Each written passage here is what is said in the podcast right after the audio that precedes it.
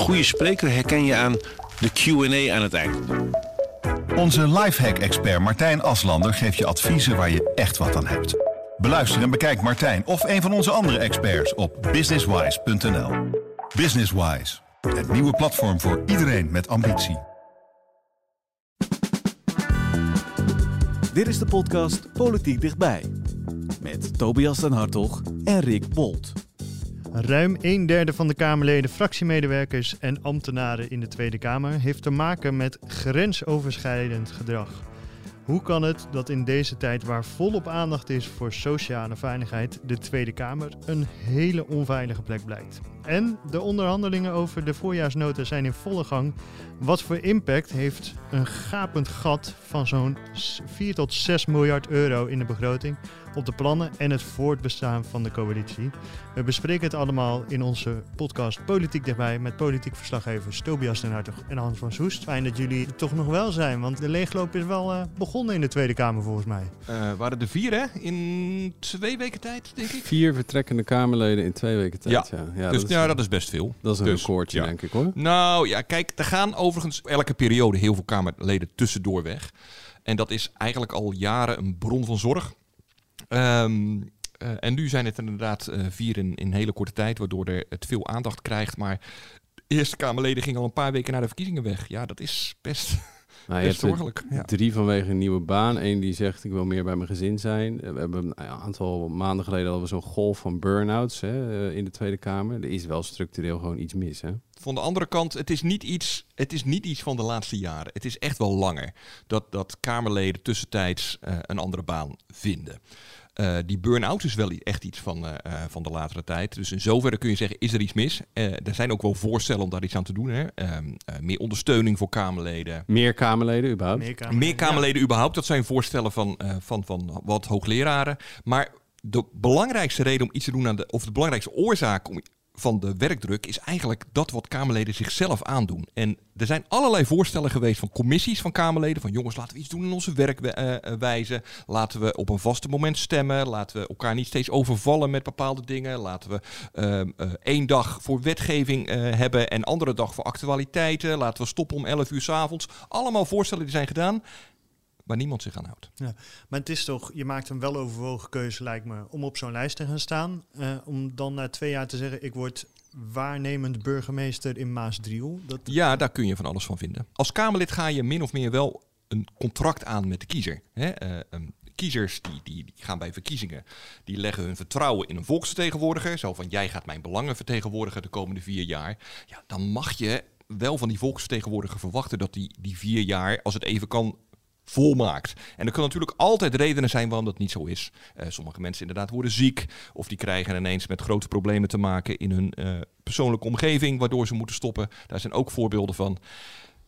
Maar ja, waarnemend burgemeester, een tijdelijke baan, dat verkiezen boven je Kamerlidmaatschap, het mandaat wat je hebt gekregen van de kiezer. Het is, volksvertegenwoordiger is niet zomaar een baan. En ik vind dat volksvertegenwoordigers zich daar wel iets meer van bewust mogen zijn. Ja, Ariep die maakt altijd wel opmerkingen naar Kamerleden die voortijds vertrokken. Dat hoorden we bijvoorbeeld ook bij het vertrek van uh, Lene te Lange toen de tijd.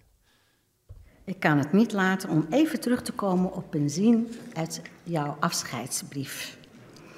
Je schrijft namelijk dat het vandaag met het zomerreces voor de deur een gepast moment is om afscheid te nemen van de Tweede Kamer.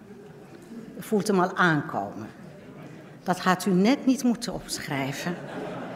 Want het gepaste moment om afscheid te nemen van de Kamer is bij de verkiezingen, niet voor het zomerreces.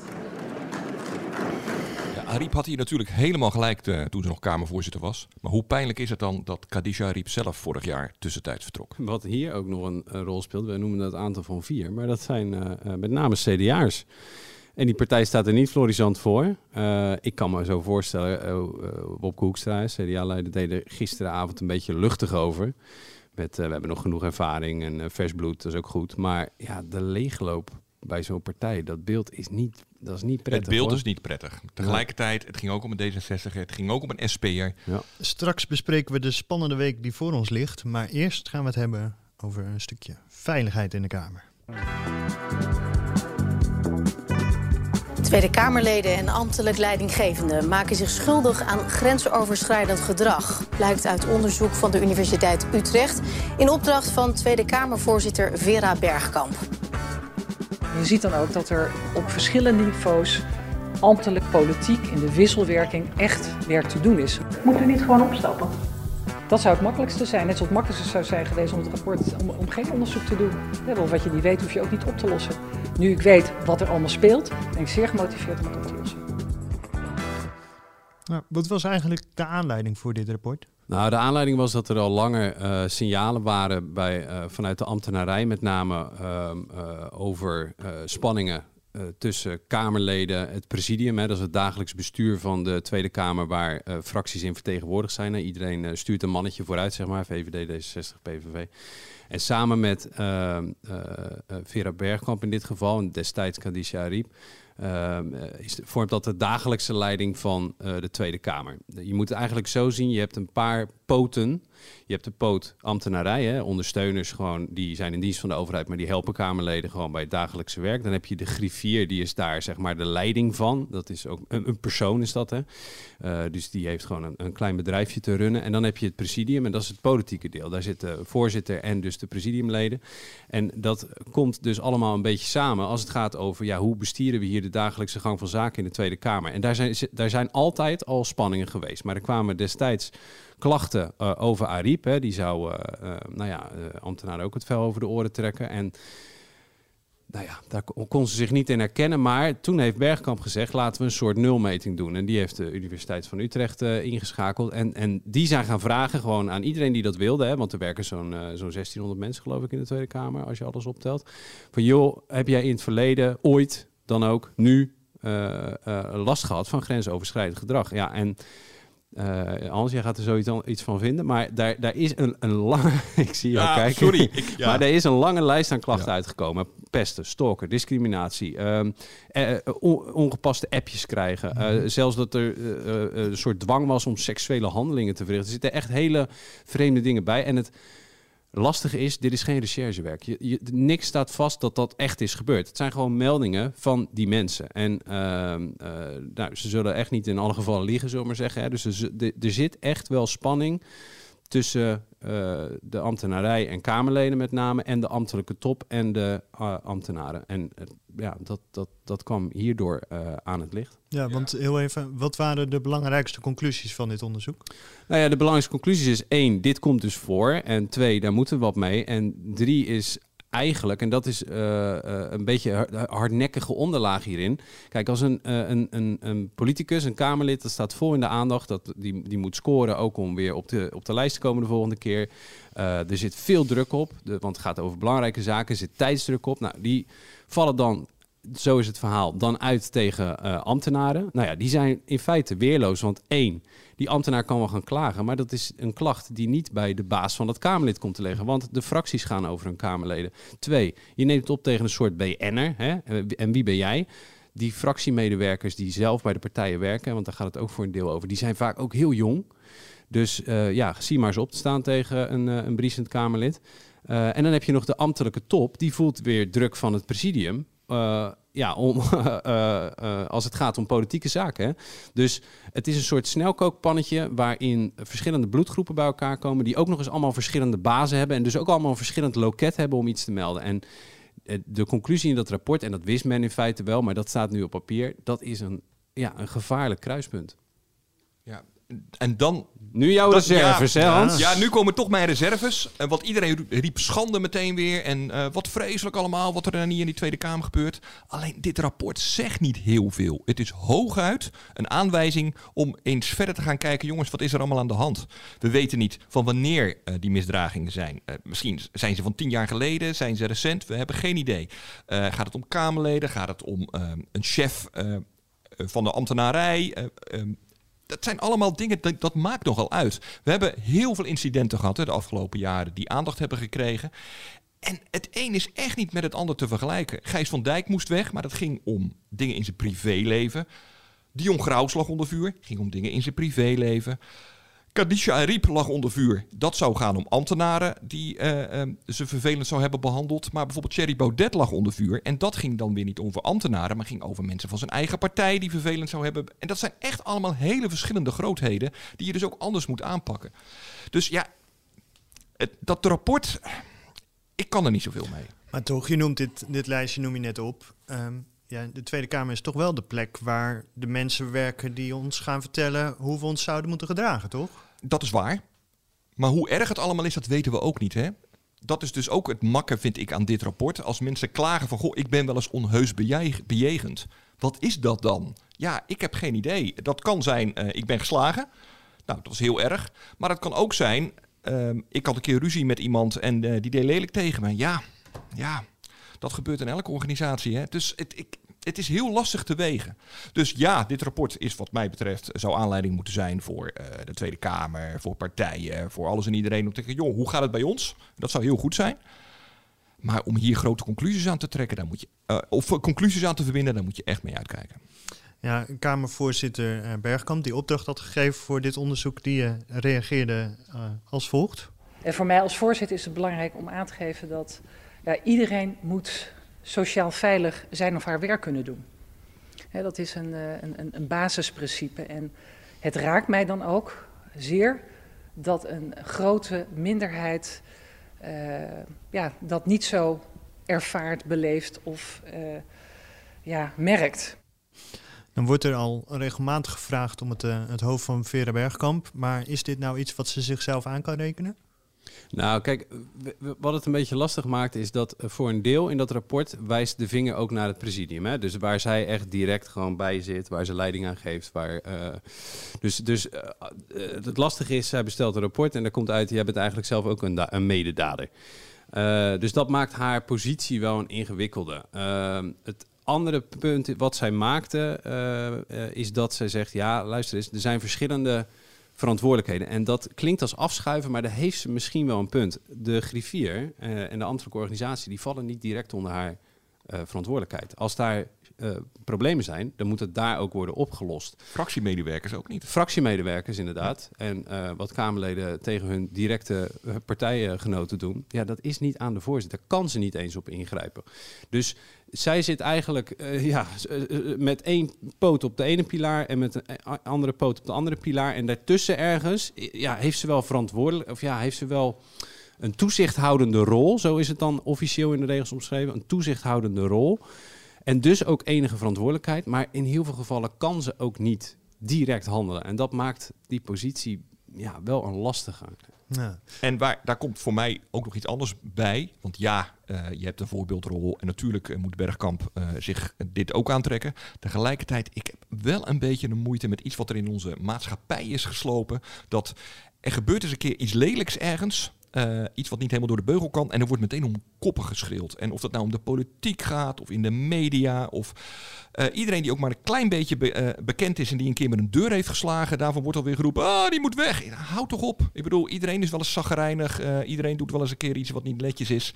Dan zeg je sorry, of je praat met elkaar over en je gaat weer door. Ik bedoel, die, die, die afrekencultuur die wordt wel echt heel naar hoor in onze samenleving. Ja. Sorry, ik moet het even kwijt. Het, het lastige is alleen dat je moet je wel beseffen in welke positie je bent als leidinggevende. Hè? Dat jouw woorden zwaarder wegen omdat je de baas bent. En uh, misschien omdat je bekend bent hè, als je een Kamerlid bent. En uh, dat, dat, het, li het lijkt er wel op dat de, de klachten gaan ook voor een deel over dat daar geen rekenschap van wordt gegeven. En dat is, dat is als anonieme ambtenaar of als heel jong fractiemedewerker is het dan wel lastig je te weren. Mariette Hamer zat die avond bij op één om op dit rapport te reageren. Mariette Hamer is natuurlijk de regeringscommissaris over seksueel grensoverschrijdend gedrag. Um, zij uh, zei over die ingewikkelde organisatie in de Tweede Kamer het volgende. Die wetgeving is eigenlijk heel simpel. Een werkgever uh, is verantwoordelijk voor veilig beleid van zijn medewerkers. Mm. Dat betekent dat uh, de ambtelijke top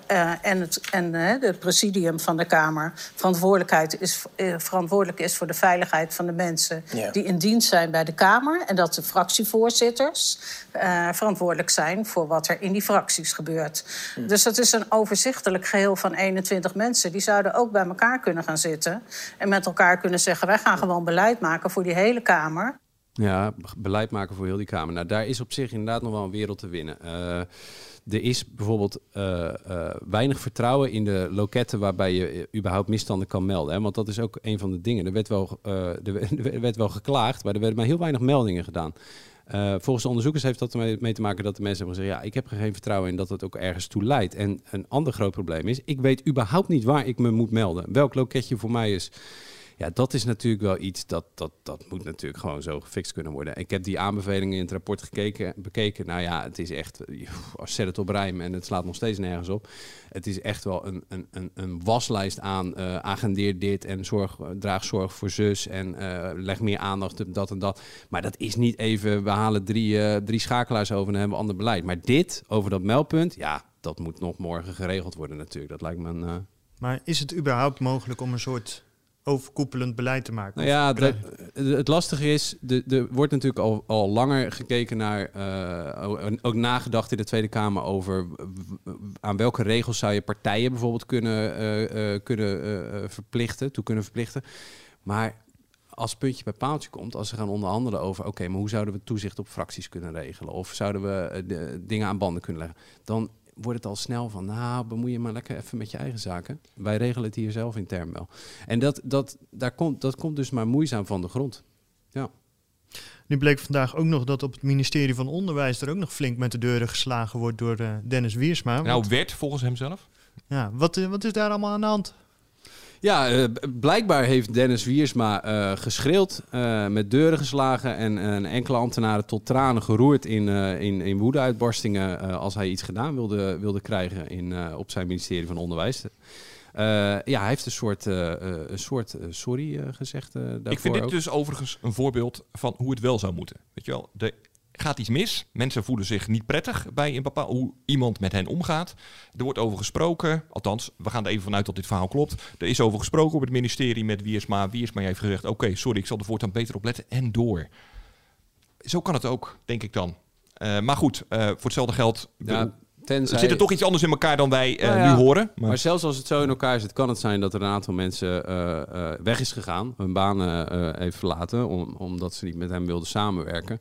Ja, dat is natuurlijk wel een hele, eh, hele dure prijs voor, de, voor dat wangedrag. Ja, hij zei zelf dat hij zich niet realiseerde dat soms de woorden van eh, de minister anders kunnen eh, aanvoelen dan de woorden van eh, gewoon Dennis. Ja.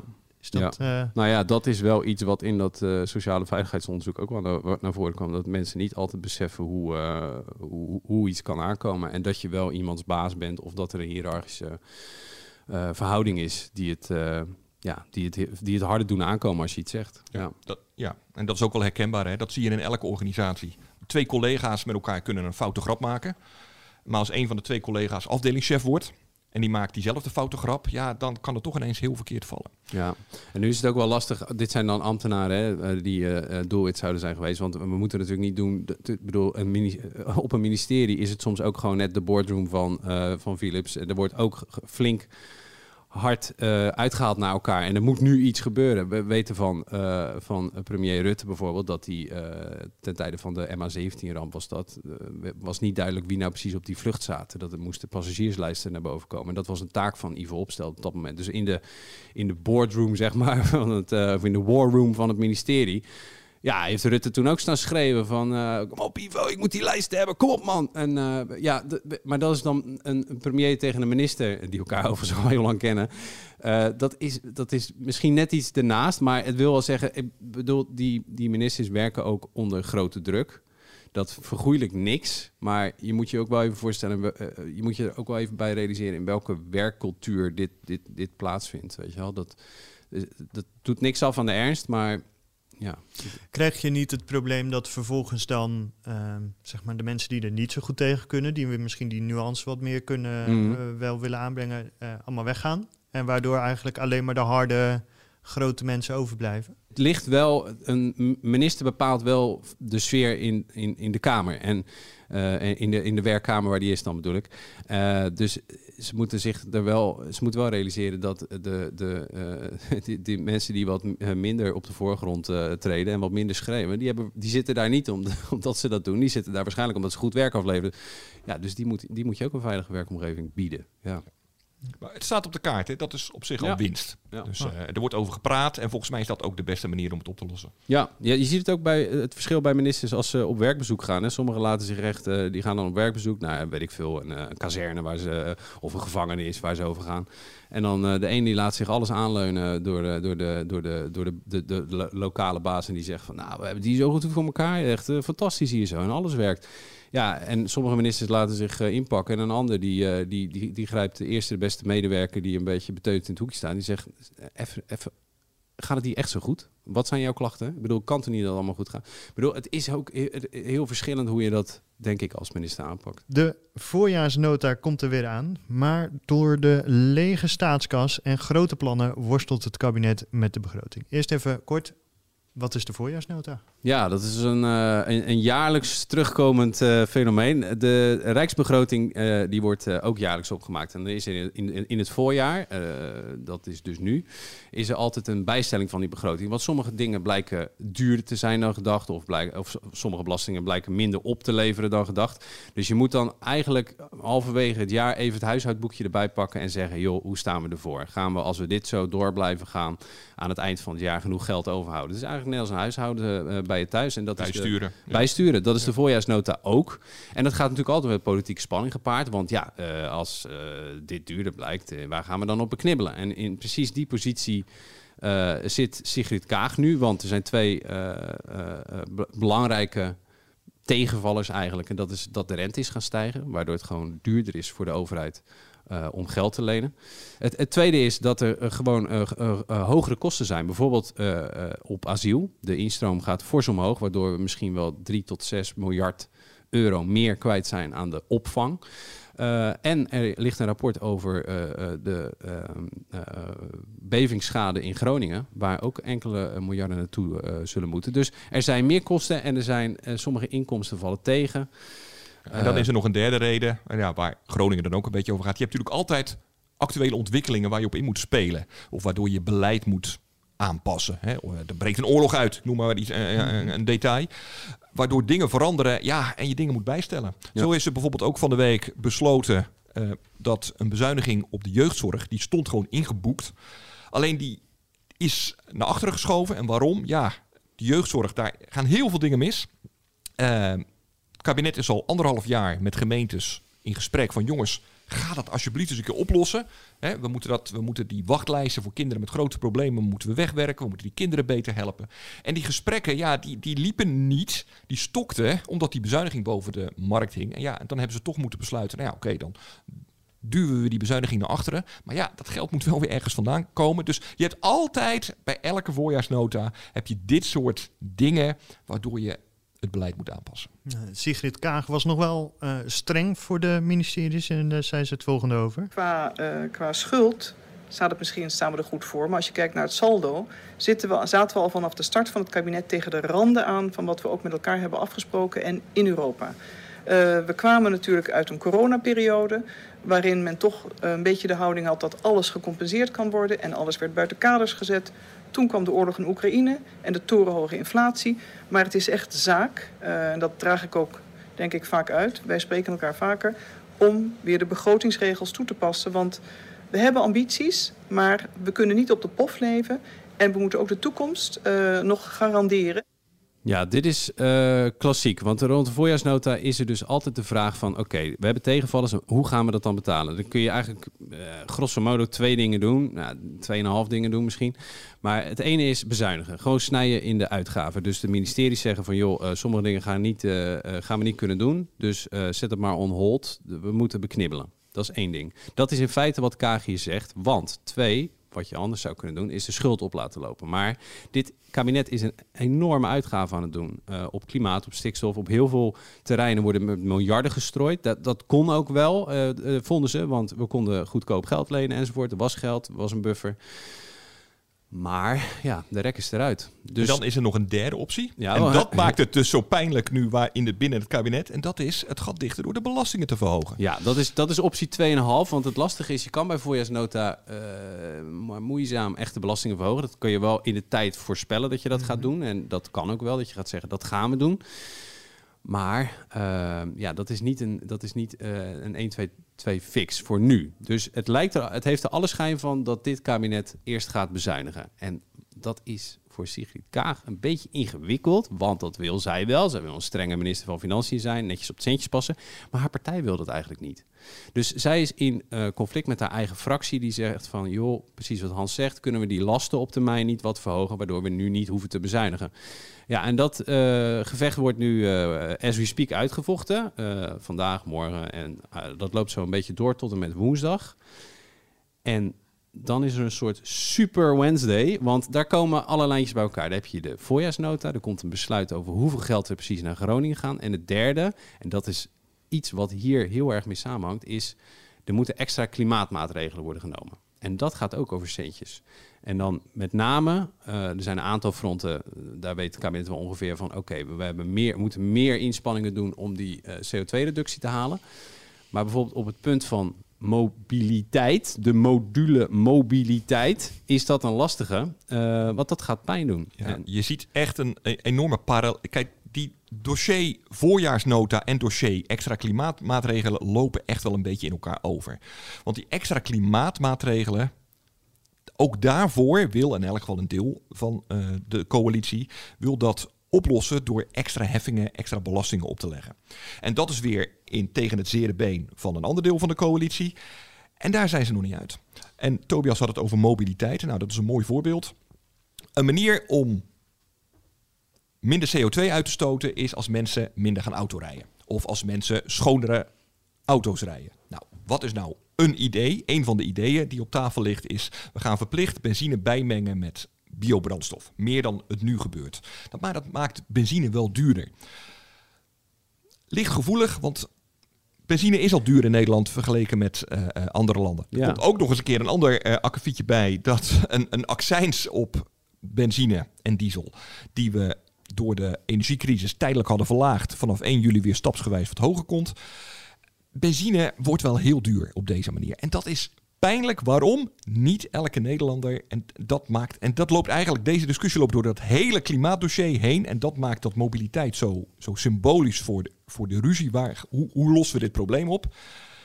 Niet iedereen kan het zich veroorloven om in de auto te rijden. Dat klinkt heel leuk. Mensen moeten in de auto rijden. Maar als jij in de regio woont.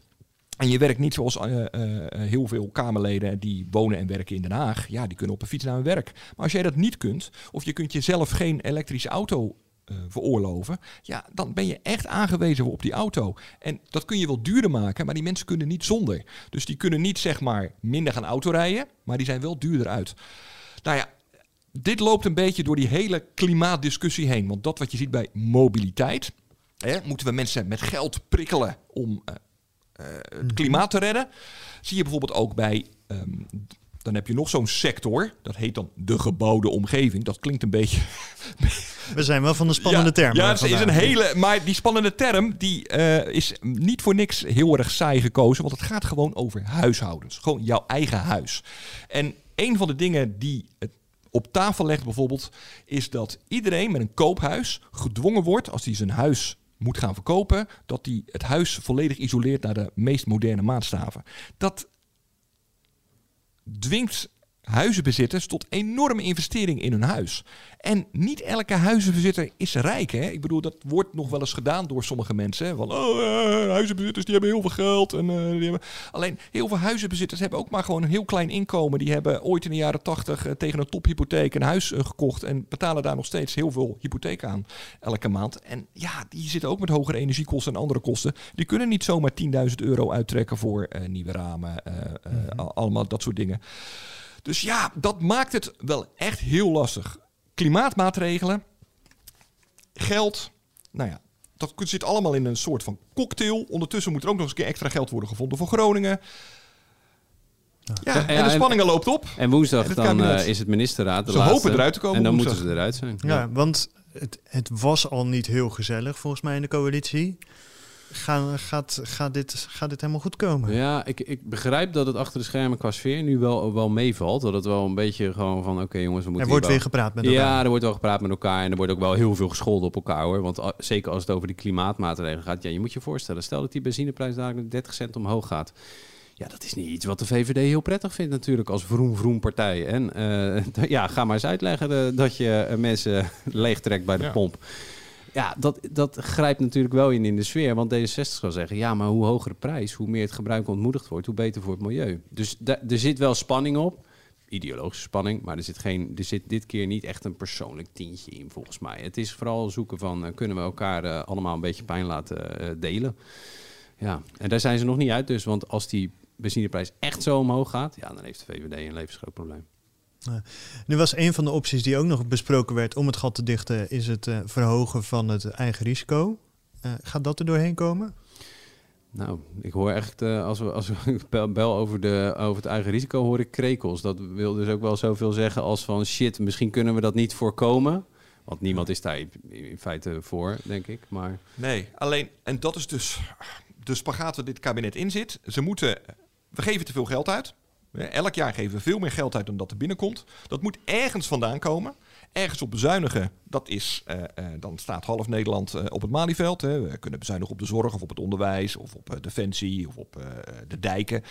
Maar ja, dat willen we geen van allen.